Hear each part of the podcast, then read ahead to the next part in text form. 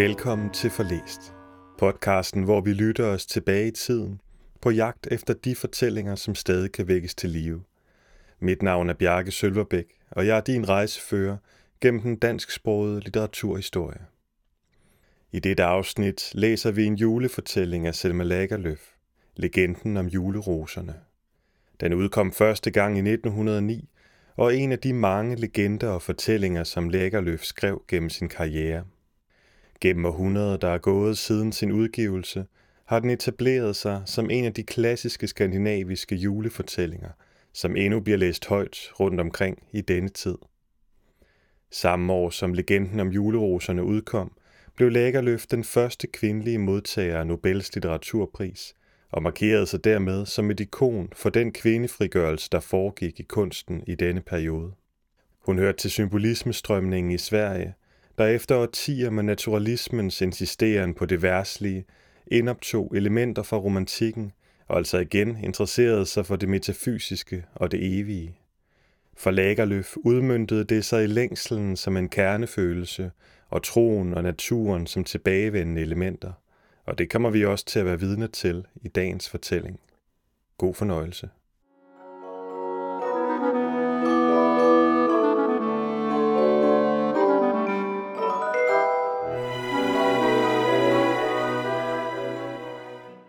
Legenden om juleroserne Røverkællingen, der boede i røverkuglen oppe i Gøingeskoven, havde en dag begivet sig på tiggergang ned til landsbyerne på sletten. Røveren selv var en fredløs mand. Han turde ikke forlade skoven, men nøjedes med at ligge på lur efter de vejfarende, som vågede sig derigennem. Men på den tid var det kun småt med rejsende i det nordlige Skåne. Traf det sig nu sådan, at manden havde uheld med sin jagt i nogle uger, begav Kælling sig ud på vandring. Hun havde fem unger med sig, alle sammen klædt i pjaltede skinklæder og barksko, og hver med en sæk på ryggen, der var lige så stor som han selv. Når hun trådte ind i et hus, var der ingen, der vågede at nægte hende, hvad hun forlangte, til hun holdt sig ikke for god til at vende tilbage næste nat og stikke ild på det hus, hvor hun ikke var blevet godt modtaget. Røvermor og hendes unger var værre end det værste ulvepak, og mere end en gang følte man sig fristet til at jage spydet igennem dem. Men det skete aldrig, for man vidste, at hendes mand lå deroppe i skoven, og han skulle nok videre hævne sig, om der tilstødte kællingen eller ungerne noget. Som nu røvermor gik fra gård til gård og tikkede, kom hun en skønne dag til Øved, som på den tid var et kloster. Hun ringede på klosterporten og forlangte mad, og broderportneren slog en lille lue i porten ned og rakte hende seks runde brød, et til hende selv og et til hver børnene. Men imens røvermor stod stille ved porten, løb børnene omkring, og nu kom et af dem hen og rykkede hende i kjolen til tegn på, at han havde fundet noget, hun endelig måtte komme og se, og moderen fulgte straks med ham. Hele klosteret var omgivet af en høj og tyk mur, men drengen havde opdaget en lille bagdør, der stod på klem. Da røvermor kom derhen, støtte hun straks døren op og gik ind uden at spørge om lov, som hendes skik var. På den tid styredes øvet kloster af abbed Hans, der var så urteklog. Han havde anlagt en lille urtegård inden for klostermuren, og det var den røvermor kom ind i. I første øjeblik blev røverkællingen så overrasket, at hun blev stående ved indgangen. Det var skær sommer, og Abed Hanses urtegård stod så fuld af blomster, at det skinnede både rødt og gult og blåt for øjnene, når man så ind i den. Men snart bredte der sig et glad smil over kællingens ansigt, og hun gav sig til at vandre langsomt op ad en smal gang, der gik imellem alle blomsterbedene. Den læbruder, der var klosterets urtegårdsmand, gik i haven og lugede ukrudt op. Det var ham, der havde lavet døren i muren stå på klem, for at kunne kaste kvikrødder og snærler ud på mødingen udenfor. Da han så røverkællingen komme ind i urtegården med alle fem unger efter sig, kom han straks løbende og befalede dem at gå deres vej. Men tiggerkællingen gik ganske roligt videre. Hun lod sine øjne løbe op og ned af blomsterrækkerne, så snart på de stive hvide liljer, der bredte sig i et bed, snart på vedbænden, der klatrede højt op ad klostermuren. Men lægbruderen lod hun ikke til at bryde sig det ringeste om. Læbroderen troede, hun ikke havde forstået ham. Han ville tage hende ved armen for at vende hende om imod udgangen, men da røvermor mærkede, hvad han havde i sinde, sendte hun ham et par øjne, så han for tilbage. Hun havde gået med ryggen bøjet under tiggerposen, Men nu rettede hun sig til sin fulde højde. Jeg er røverkællingen fra Gøinge skov, sagde hun. Rør mig så, om du tør. Og det var åbenbart, at hun, når hun havde sagt det, var lige så sikker på at kunne gå i fred, som om hun havde fortalt, at hun var dronning af Danmark. Men lægebroderen dristede sig alligevel til at stanse hendes gang, en skønt han nu, da han vidste, hvem hun var, talte høfligt til hende.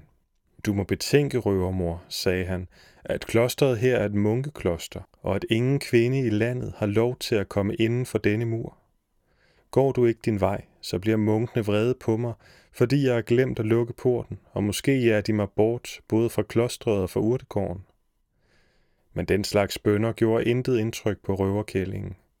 Hun gik videre igennem den lille rosenhave og kiggede snart på isop, der skinnede med sine violette blomster, snart på caprifolium, der hang fuld af gulrøde blomsterklaser.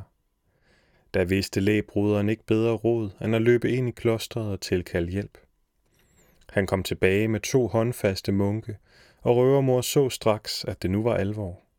Der stillede hun sig skrævende midt i gangen og gav sig til med skraldende stemme og skrig op om den forfærdelige hævn, hun ville tage over klosteret, hvis hun ikke fik lov til at blive i haven, så længe hun havde lyst.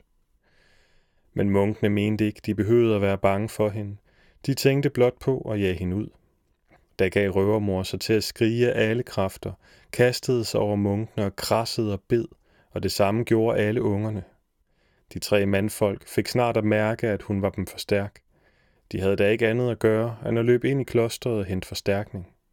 I det de løb op ad den gang, der førte til klostret, mødte de abbed Hans, der var på vej ned i haven for at høre, hvad det var for en larm. De måtte da gå til bekendelse, at røverkællingen fra Gøingeskoven var kommet ind i klostret, og at de ikke havde været i stand til at jage hende ud, men måtte se og få forstærkning. Da bebrejdede Abed Hans dem, at de havde brugt magt, og forbød dem at kalde hjælp til. Han sendte begge munkene tilbage til deres arbejde, og skønt han var en gammel, skrøbelig mand, tog han ikke andre end læbroderen med sig ned i urtegården. Da han kom derned, gik røvermor, ligesom før, omkring imellem blomsterbedene, og han kunne ikke nok som forundre sig over hende. Han var ganske vis på, at hun aldrig i sit liv havde set en urtegård, men alligevel gik hun omkring imellem de små bede, der var tilsået hver med sin art af fremmede og sjældne blomster, og så på dem, som om de var gamle kendinge. Det så ud, som om hun havde set både vintergrønt og salvie og rosmarin. Nogle nikkede hun til, andre rystede hun på hovedet af. Nu elskede Abed Hans sin urtegård højere end alt andet, af hvad jordisk og forgængeligt er. Så vild og forfærdelig den fremmede kvinde så ud, kunne hun dog ikke lade være med at glæde sig over, at hun havde kæmpet med tre munke for at få lov til at betragte den i ro. Han gik hen til hende og spurgte hende sagt modigt, hvad hun syntes om urtegården. Røvermor vendte sig med en hæftig bevægelse om mod abbeden, til hun ventede ikke andet end baghold og overfald. Men da hun så hans hvide hår og bøjede ryg, svarede hun helt fredeligt.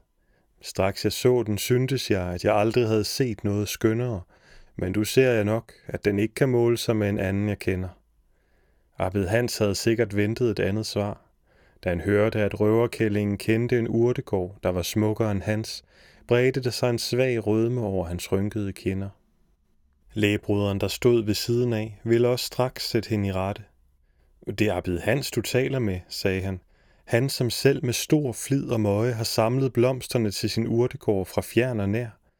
Vi ved alle, at der ikke findes en herligere urtegård i hele Skånes land, og det sømmer sig ilde for dig, der lever i den vilde skov hele året om, og sætter dig til dommer over hans arbejde. Jeg sætter mig ikke til dommer, hverken over ham eller dig, svarede røvermor. Men jeg siger bare, at kunne I få den urtegård se, som jeg tænker på, der vil I rive hver en blomst op, som står her og kaste den bort som ukrudt. Men urtegårdskalen var næsten lige så stolt af blomsterne som Abed Hans selv, og da han hørte disse ord, slog han en hånlatter op. Så noget siger du bare for at ærge os, røvermor, sagde han. Det er nok en dejlig urtegård, du har lavet der mellem fyretræer og enebæris oppe i Gøingeskoven. Jeg tør sætte min sjæls salighed på, at du aldrig før har været inden for en urtegårdsmur. Røvermor blev rød af harme over ikke at blive troet og udbrød. Det kan nok være, at jeg aldrig før i dag har været inden for en urtgårdsmur, men I munke, der er hellige mænd, burde vel vide, at den store gøingeskov hver julenat forvandler sig til en have for at fejre vor herres fødselsstund. Vi, der bor i skoven, har nu set det ske hvert evige år, og i den have har jeg set blomster så dejlige, at jeg ikke har våget at løfte min hånd for at plukke dem. Lægebroderen ville svare hende, men Abed Hans gav ham tegn, at han skulle tige stille. Til Abeden havde i sin barndom hørt fortælle, at skoven klædte sig i højtidsskrud julenat. Han havde ofte ønsket at få det at se, men det var aldrig lykkedes ham. Nu gav han sig til på det ivrigste at bede røverkælling, om hun julenat ville komme og hente ham op til røverkuglen. Ville hun blot sende et af sine børn til at vise vej, så ville han ride derop ganske alene, og han skulle aldrig forråde dem, men tværtimod belønne dem så rigeligt, som det stod i hans magt. Røvermor nægtede det først, for hun tænkte på røverfar og den far, han udsatte sig for ved at lade arbejden finde vej til deres hule. Men lysten til at vise munken, at den urtegård, hun kendte, var skønnere end hans, fik dog overhånd, så hun gav efter. Men mere end en ledsager må du ikke tage med dig, sagde hun, og så vidt som du er en hellig mand, må du love ikke at lægge noget baghold eller nogen snare for os. Det lovede Abed Hans, og så gik røvermor sin vej. Men Abeden pålagde læbroderen ikke at omtale overenskomsten til noget andet menneske. Han var bange for, at hans munke, når de fik nys om hans forhavne, ikke ville tillade så gammel en mand, som han var, at drage op til røverkuglen.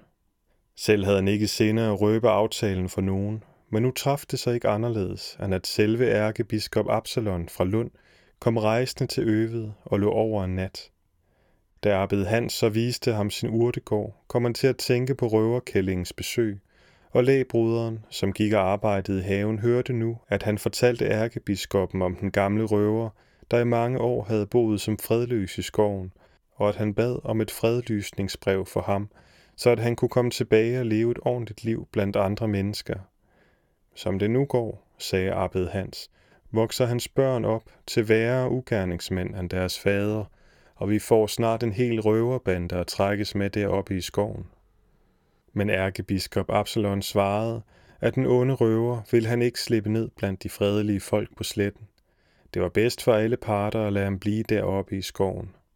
Men nu blev Abed Hans ivrig, og gav sig til at fortælle biskoppen om Gøinge skov, der hver jul klædte sig i højtidsdragt rundt om røverkuglen.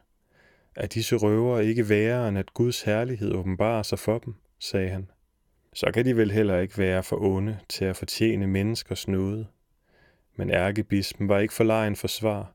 Det vil jeg love dig, abbed Hans, sagde han smilende, at den dag du bringer mig en blomst fra julehaven i Gøingeskoven, vil jeg give dig fredlysningsbrev for alle de skovgangsmænd, du vil bede for.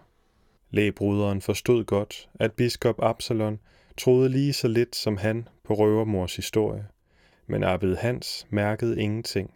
Han takkede ærkebiskoppen for en gode løfte og sagde, at den blomst skulle han nok skaffe til veje. Abed Hans satte sin vilje igennem, og næste jul sad han ikke hjemme på Øved, men var på vej til Gøinge Herred. En af røvermors vilde unger løb foran ham, og til følgesvend havde han den læbruder, som havde talt med røvermor i urtegården. Abed Hans havde længtes inderligt efter at gøre denne rejse, og han var nu så glad over, at han var kommet afsted men en anden sag var det med læbruderen, der fulgte ham. Han elskede Abed Hans meget højt, og havde nødigt set, at nogen anden fulgte med ham og passede på ham, men han troede aldeles ikke på, at de ville få nogen julehave at se. Han troede, at det hele ikke var andet end opspind, en snare som røvermor, den snu røvermor med stor snedighed havde lagt for at få Abed Hans i røvernes vold. Som Abeden red nord efter af skoven til, så han, at der alle vegne blev gjort anstalter til at fejre julen. I hver en bondegård blev der tændt op i badstuen, for at den kunne være hed til badningen om eftermiddagen. Fra madboderne blev der hentet hele dynger af kød og brød, og fra lår og lader kom kalene med store halmknipper, der skulle strøs på gulvet. Hvor han kom forbi de små landsbykirker, så han, at præsterdejen havde travlt med at beklæde væggene med de bedste tæpper, de havde kunne opdrive og da han kom forbi den vej, der førte op til Bøsjekloster, så han, at klosterets fattige kom gående med hele byrder af store brød og lange lys, som de havde fået ved klosterporten. Da Abed Hans så alle disse juleforberedelser, blev hans iver og travlhed endnu større. Han tænkte på, at en langt større højtid ventede ham end den, de alle beredte sig til at fejre. Lægebroderen derimod jamrede sig og klagede, da han så, hvorledes de selv i den mindste gård lavede sig til at holde jul. Han blev mere og mere bekymret, og bad og besvor Abed Hans at vende om i tide, og ikke frivilligt give sig i røveres vold. Men Abed Hans brød sig ikke om hans jammeren. Han red roligt videre. Snart var han forbi den beboede del af sletten, og red op i de vilde mennesketomme skovstrækninger. Her blev vejen dårligere. Den var ikke stort andet end en stenet sti, bestrøget med fyrenåle, og der var hverken bræt eller bro til at hjælpe dem over åer og bække.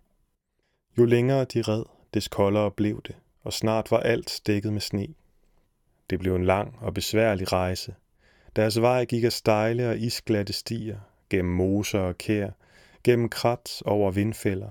Netop som dagslyset var ved at svinde bort, førte røverdrengen dem over en skoveng, der var omgivet af høje træer, både bladløse løvtræer og mørkegrønne nåletræer. Hinsides engen hævede der sig en stejl klippevæg, og i klippevæggen var der en dør af tykke planker. Nu forstod Abed Hans, at de havde nået målet, og han stod af hesten. Drengen åbnede den tunge dør for ham, og han så ind i en klippegrotte med nøgne stenvægge. Røvermor sad ved et bål, der brændte midt på gulvet. Langs ved væggene var der lejer af grængrene og mos, og på et af dem lå røverfar og sov. Kom ind i derude, råbte røvermor uden at rejse sig, og tag hestene med ind, at de ikke skal omkomme i nattekulden. Abed Hans gik nu dristigt ind i hulen, og lægebroderen fulgte med ham. Der var fattigt og uselt derinde. Ikke det ringeste var der gjort for at helligholde julen. Røvermor havde hverken brygget eller bagt, hverken gjort rent eller pyntet op. Hendes børn lå på gulvet omkring en kedel, som de spiste af, men det var ikke andet end tynd vandvælling, der var i den. Men røvermor var så stolt og myndig som nogen velhavende bondekone. Sæt dig herhen ved ilden, Abed Hans, og varm dig, sagde hun. Og har du mad med dig, så spis, for den mad, vi laver her i skoven, vil næppe smage dig. Og er du træt efter rejsen, kan du lægge dig hen og sove på lejet der. Du behøver ikke at være bange for, at du skal sove over dig. Jeg sidder og våger her ved ilden, og jeg skal nok vække dig tidsnok, at du kan få det at se, du er kommet for at se. Abed Hans gjorde alt, hvad røvermor sagde. Han tog sin madpose frem, men var så træt af det lange rit, at han næsten ikke kunne få mad ned, og så snart han havde lagt sig på lejet, faldt han i søvn. Lægebroderen fik også anvist et leje, han kunne hvile sig på, men han turde ikke lægge sig til at sove. Han syntes, det var hans pligt at holde øje med røverfar, at han ikke skulle stå op og gøre Abed Hans noget ondt. Lidt efter lidt fik trætheden dog bugt med ham, så han sov ind. Da han vågnede, så han, at Abed Hans havde rejst sig fra lejet og sad nu ved ilden og samtalede med røvermor. Den fredløse røver sad ved siden af. Det var en høj, mager mand. Han så træt og tungsindig ud. Han vendte ryggen til Abed Hans og ville åbenbart lade, som om han ikke lyttede til samtalen.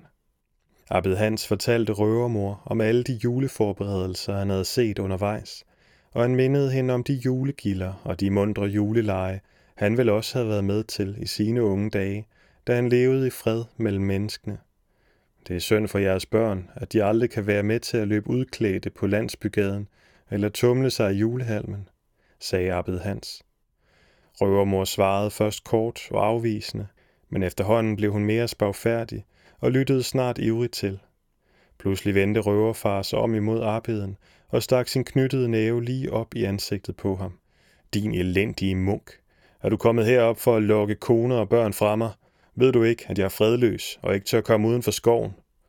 Men Abed Hans så ham uforfærdet ind i øjnene. Min hensigt er at skaffe dig fredlysningsbrev fra ærkebiskoppen, sagde han. Næppe havde han sagt det, før både røverfar og røvermor slog en latter op. De vidste nok, hvor meget noget stimand og skovgangsmænd havde at vente af biskop Absalon.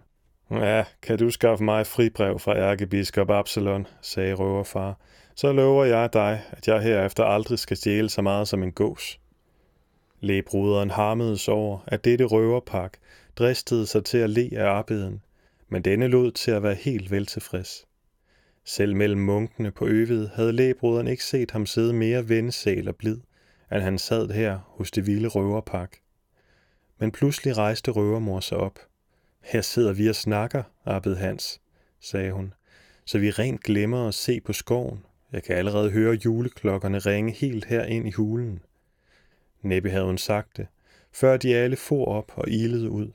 Men da de kom ind i skoven, var det endnu mørk nat og iskold vinter. Det eneste, de fornemmede, var en fjern klokkeklang, der førtes til dem af en svag søndenvind. Hvordan skal den klokkeklang kunne vække den døde skov, tænkte Abed Hans. Til nu, da han stod midt i vinterens mørke, forekom det ham langt mere umuligt, at der her skulle kunne opblomstre en urtegård, end han før havde tænkt. Men da klokken havde ringet en kort stund, gik der en pludselig lysning gennem skoven. Der blev straks efter lige så mørkt igen, men så kom lyset tilbage. Det kæmpede sig frem som en lysende tåge mellem de sorte træer, og så stærk en virkning havde det, at mørket gik over til et svagt daggry. Da så Abed Hans, at sneen forsvandt fra jorden, som om nogen havde draget et tæppe bort, og jorden begyndte at grønnes. Bregneskuddene, der havde stået sammenrullet som bispestave, rullede sig op og skød i vejret. Lyngen op på stenhoben, og porsen nede i mosen klædte sig i en frisk grøn dragt. Mosturene svulmede og løftede sig, og forårsblomsterne skød op med svulmende knopper, der allerede havde et stink af farve.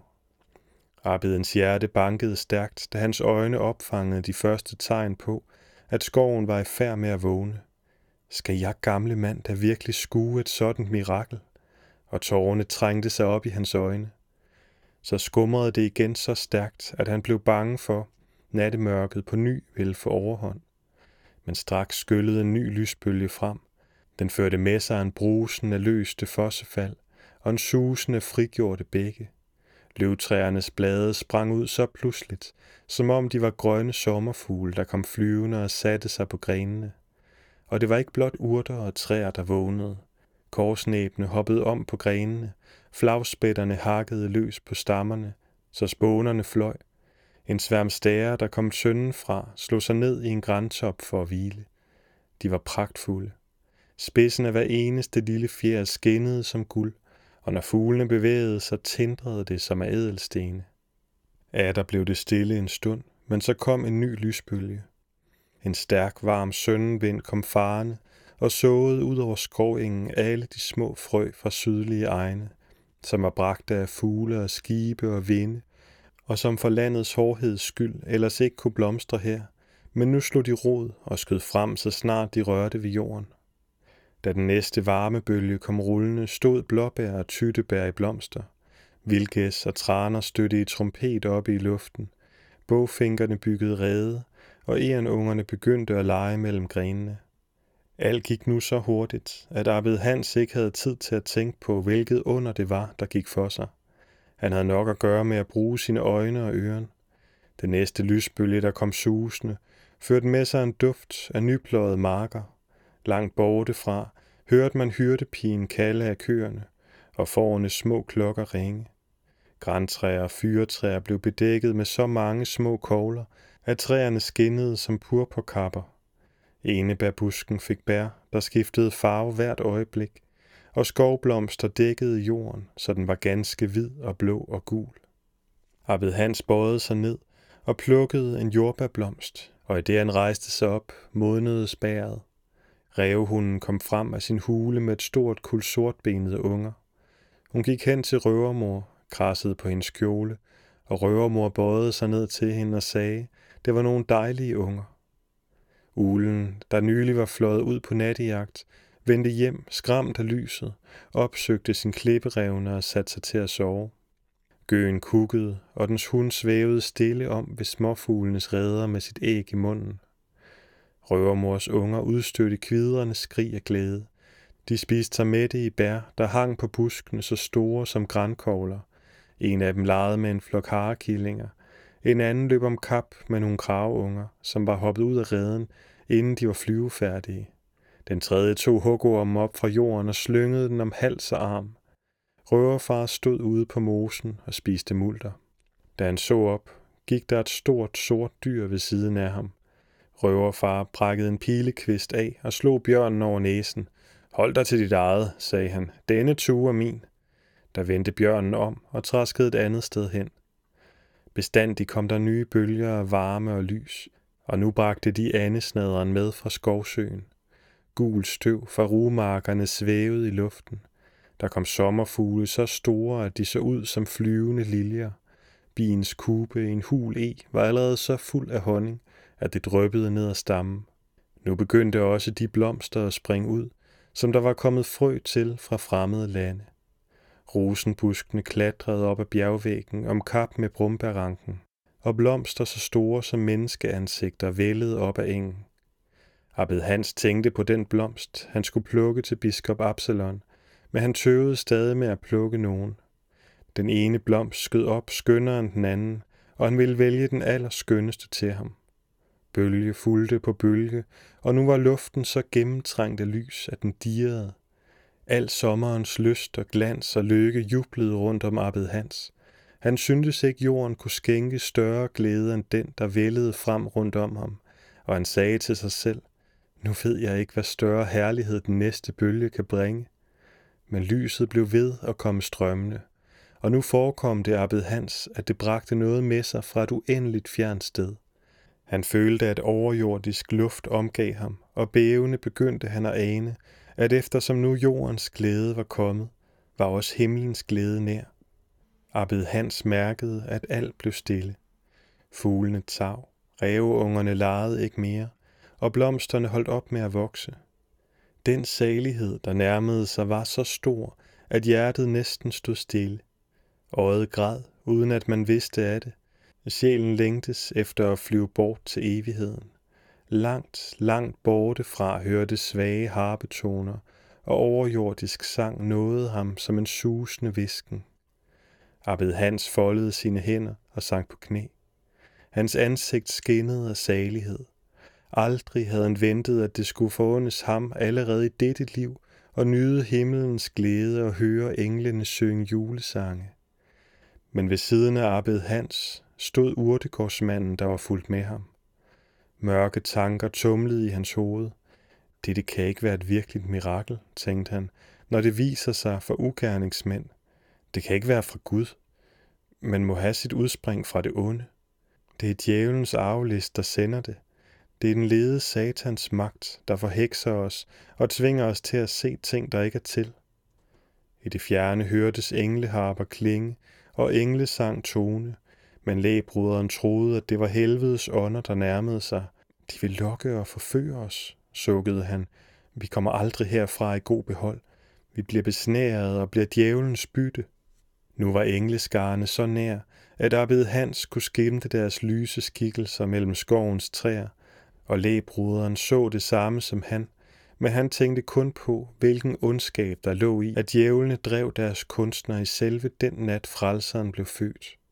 Det var kun for så meget lettere at kunne besnære de stakkels mennesker.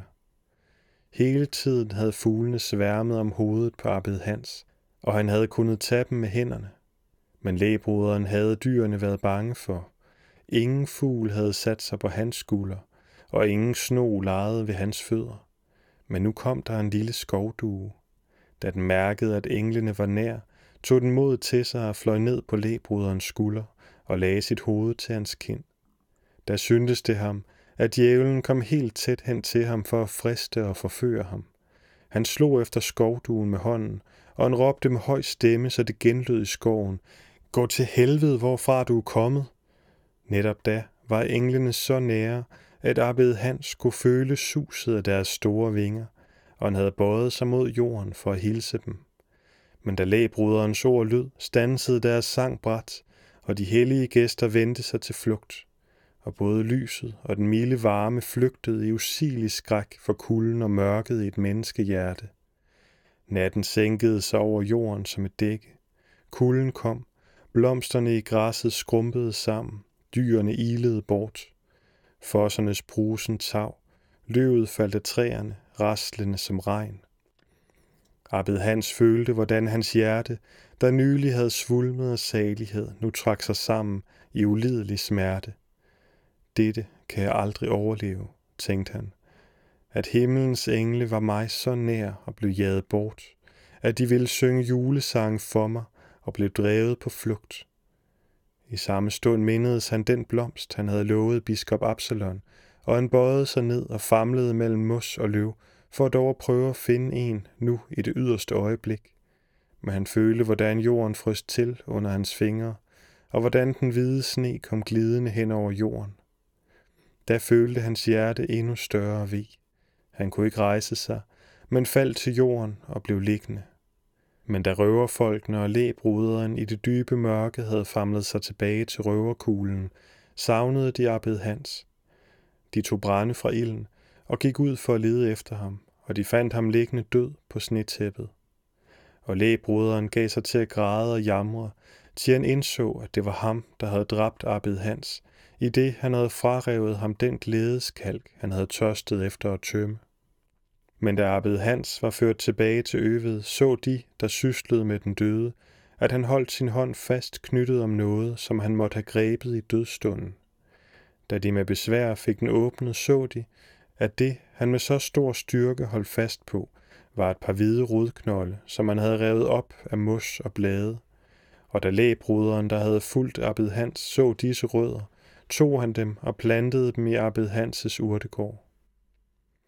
Han ventede og spejdede det hele år, om de ville skyde blomst, men han ventede forgæves hele foråret og sommeren og efteråret. Da det til sidst blev vinter, og alle blade og blomster var døde, opgav han at vente. Men da juleaften oprandt, blev mindet om Abed Hans så stærkt, at han gik ud i urtegården for at tænke på ham. Og se, i det han gik forbi det sted, hvor han havde lagt de nøgne knolde i jorden, så han, at der var vokset frodige grønne stængler op af dem, og på stænglerne sad skønne blomster med sølvhvide blade. Han kaldte alle øvets munke sammen, og da de så denne plante blomstre juleaften, mens alle andre blomster var som døde, blev det klart for dem, at den virkelig var taget af Abed Hans i julehaven i Gøinge skov. Men lægebroderen sagde til munkene, at siden der var sket så stort et under, burde de sende nogle af blomsterne til biskop Absalon. Da lægebroderen trådte frem for biskop Absalon, rakte han ham blomsterne og sagde, Dette sender Abed Hanster. Det er de blomster, han lovede at plukke til dig i julehaven i Gøingeskoven. Da biskop Absalon så de blomster, der var spiret frem af jorden i den mørke vinter, og hørte ordene, blev han så bleg, som om han havde set en død. Han sad tavs en stund, og så sagde han, Abed Hans så holdt sit ord, så vil jeg også holde mit. Og han lød udfærdige et fredlysningsbrev for den vilde røver, der havde vandret fredløs om i skoven fra ungdommen af. Han gav læbroderen brevet, og denne gav sig på vej op i skoven og fandt vejen til røverkuglen. Da han juledag trådte derind, kom røveren ham i møde med hævet økse. Jeg vil hugge jer ned i munke, så mange som jer, sagde han. Visselig er det jeres skyld, at Gøinge skov ikke har klædt sig i juledragt i nat. Det er ene og alene min skyld, sagde læbroderen, og jeg vil gerne dø for det, men først må jeg bringe dig et bud fra Abed Hans. Og han tog biskoppens brev frem og fortalte ham, at han var fredlyst, og viste ham Absalons sejl, der hang ved pergamentet. For fremtiden skal du og dine børn lege julehalm og holde jul blandt menneskene, som Abed Hans ønskede, sagde han. Der stod røverfar bleg og stum, men røvermor sagde på hans vegne, Abed Hans har holdt sit ord, så vil også røverfar holde sit. Men da røveren og hans kone drog bort fra røverkuglen, flyttede læbroderen derind og boede alene ude i skoven under bestandig bøn, at hans hårde sind måtte blive ham tilgivet. Men Gøinge skov har aldrig mere fejret frelserens fødselsstund, og al dens herlighed er der ikke andet tilbage end den blomst, som Abed Hans plukkede. Man har kaldt den julerose, og hvert år sender den sin hvide blomster og grønne stængler op af mulden ved juletid, som om den aldrig kan glemme, at den engang voksede i den store julehave.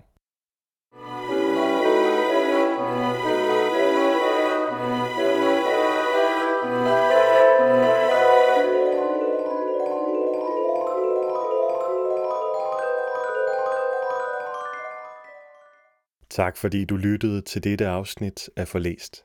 Hvis du vil vide mere om Selma Lagerløf, kan du læse mere på forlæst.dk. Her kan du også skrive til mig, hvis du har kommentarer til afsnittet, eller forslag til, hvad vi skal læse i fremtiden. Næste gang læser vi endnu en julehistorie.